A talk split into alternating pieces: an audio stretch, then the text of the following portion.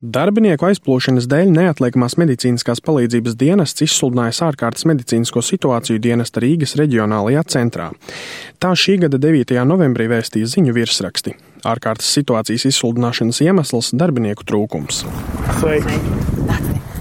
Ar mani sveicinās Rafēls Ciekurs. Viņš ir neatliekamās medicīniskās palīdzības dienesta Rīgas reģionālā centra vienas no brigādēm vadītājs. Mēs atrodamies viņa darba vietā, neatliekamās medicīniskās palīdzības dienesta brigāžu atbalsta punktā Kauguri.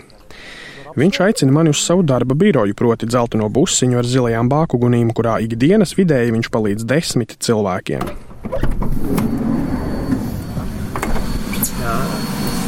Jā tas gan var kāpt ar netīrām. Tas ir tas, kas ir. Tā strīdies. Rafēls Ciekurs dienestu pamest nevēlas, jo saka, ka šis darbs ir viņa sirdslieta jau trešajā paudzē. Neatliekamajā medicīniskajā palīdzībā strādā jau kopš 2012. gada. Sāka kā sanitārs, tad kā brigādes otrā ārstniecības persona, un šobrīd viņš jau kādu laiku ir brigādes vadītājs.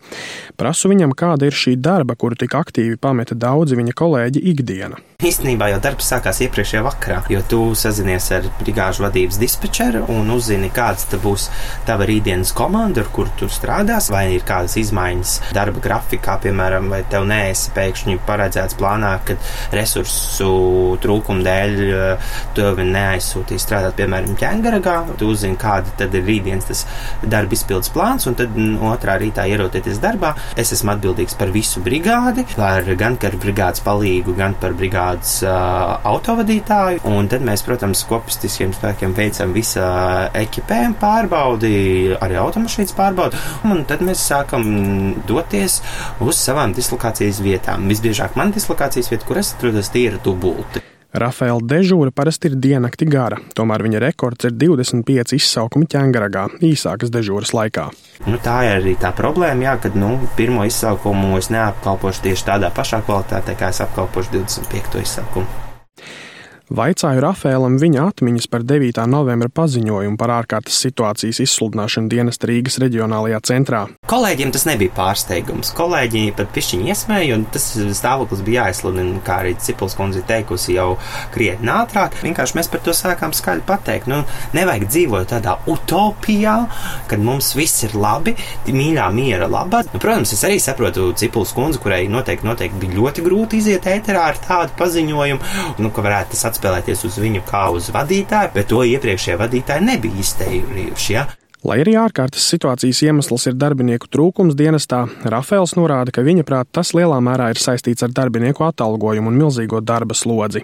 Šo darba slodzi rada arī pacientu neizpratni par to, kas ir neatliekamā medicīniskā palīdzības dienesta uzdevumi. Īsnībā mēs varam atteikt par palīdzību kaut kādu hronisko saslimšanu gadījumos, mēs neesam to mācījušies. Tas tāpatās kā jūs ietu pie kardiologa un prasīt viņam par ginekoloģisku tipu saslimšanām. Ja? Tās ir divas dažādas sfēras, un arī mūsu sfēra ir tieši neatliekamā palīdzība.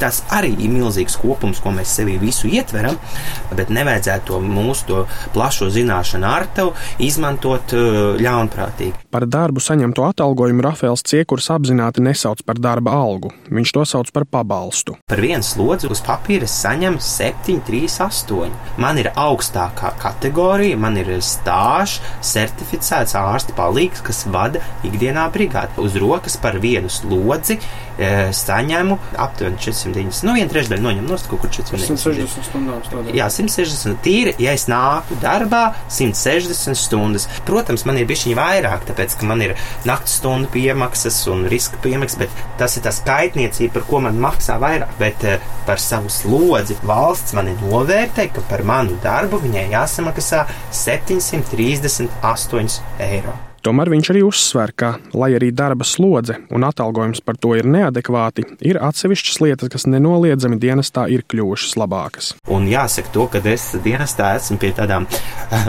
daudzām varas maiņām jau padzīvojis. Es esmu bijis strādājis arī Armāna Ploriņa laikā, es strādāju Dr. Villeras laikā, un es arī strādāju Cipuls laikā. Un tajā laikā, kad notikās šī Ploriņa varas maiņa, tā arī bija milzīga cīņa. Ja? Tajā brīdī, kad pa vienam braukājām vispār un sagrabējušās mašīnās, mums ampulas sala, nebija apkūre un vispārējais. Ja? Tad, kad nāk mūsu jaunie kolēģi un viņi tur kaut ko tur šausminās, es saku, oi, mīļie, ja mums bija tādas mašīnas, ka mēs redzējām apakšā asfaltu, ja?